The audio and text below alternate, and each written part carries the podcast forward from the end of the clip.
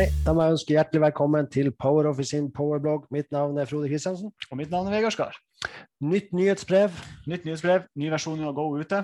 Jeg tenker vi går igjennom som vanlig, og så går vi gjennom nyhetsbrevet, og så ser vi på de nye, flotte tingene vi har uh, ja, fått laga til. Vi hopper inn i programmet.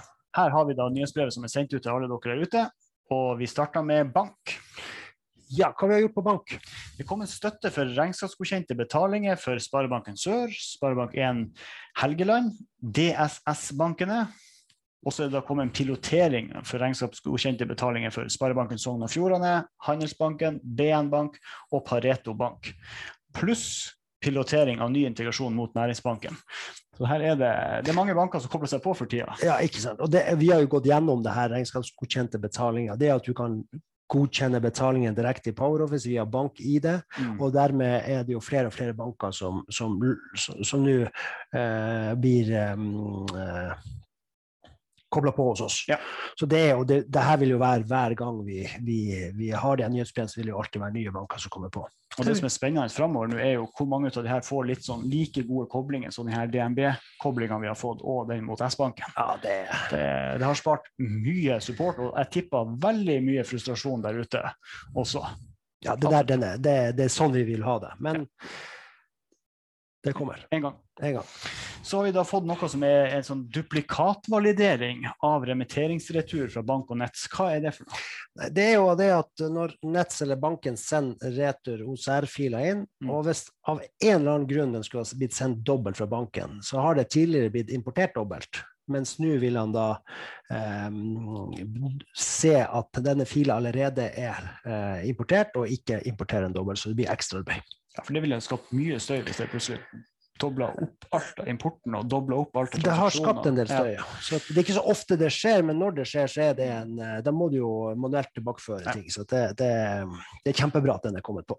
Veldig bra. Det var det som var på bank for denne, denne omgangen. Mm. Så har vi da kommet over til lønn, og der har vi fått støtte for internasjonal ID.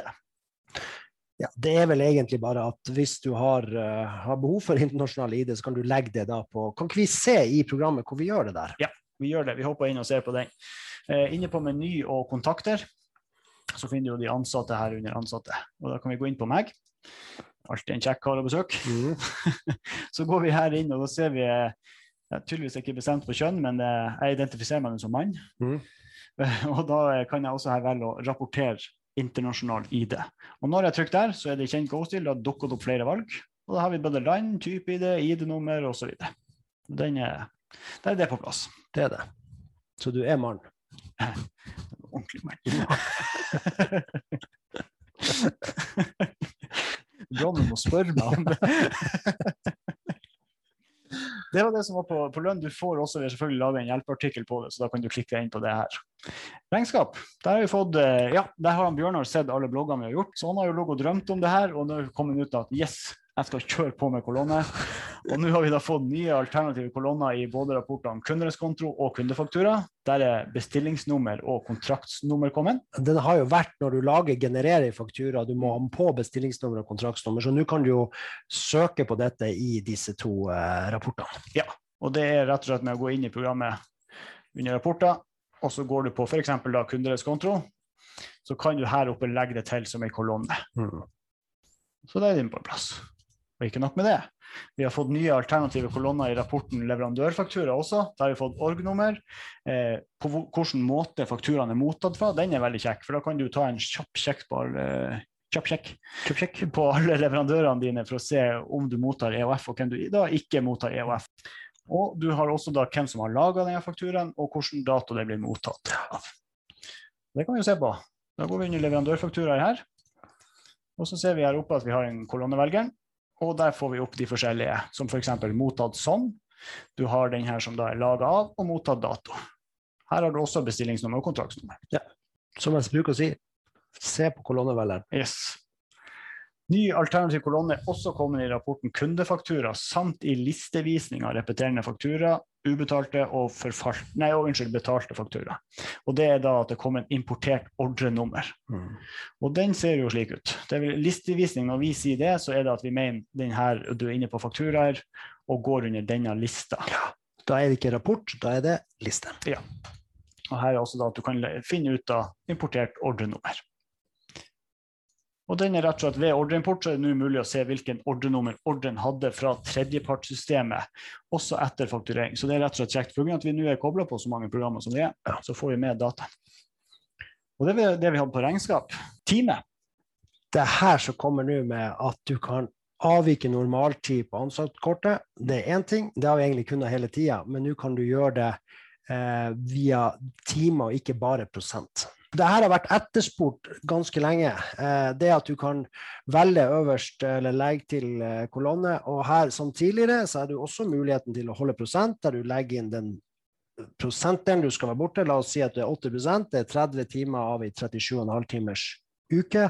Og da vil den fordele seks timer per dag. Mm. Men sånn er det ikke alle som har det. Nei. Det er ganske mange som ikke har det sånn. Og de ønsker kanskje å ta bort fri fredag. De jobber ulikt eh, antall timer på dag og alt mulig sånn. Og nå kan du gjøre det per ansatt. Og da kan du gå inn på dager her og sette hva du ønsker. Og der er det også periode til fra. Det kan være sommertid, det kan være alt mulig. Så nå blir den mye mer fleksibel. Ja. Dette er kjempebra. Ja. Veldig fin. Og det er også et godt løft til timesystemet vårt. Så det er veldig bra, og som bare blir bedre og bedre for hver, hver release. Ja. Det var egentlig det som var inni programmet. Ellers så er det jo det som er på en måte litt utafor, og det er jo API-et. Hvordan vi kobler andre programmer på. Nå har vi jo en 300 pluss 330 integrasjoner. Det er kjempebra. Og nå er det da tilrettelagt selvfølgelig for at vi har fått internasjonal ID der, at da dette kommer fram i de forskjellige programmene. Det kommer også opp at du får se faktura-e-postkopien, og at du har fått et nytt referansefelt på linjenivå for postering av bilag.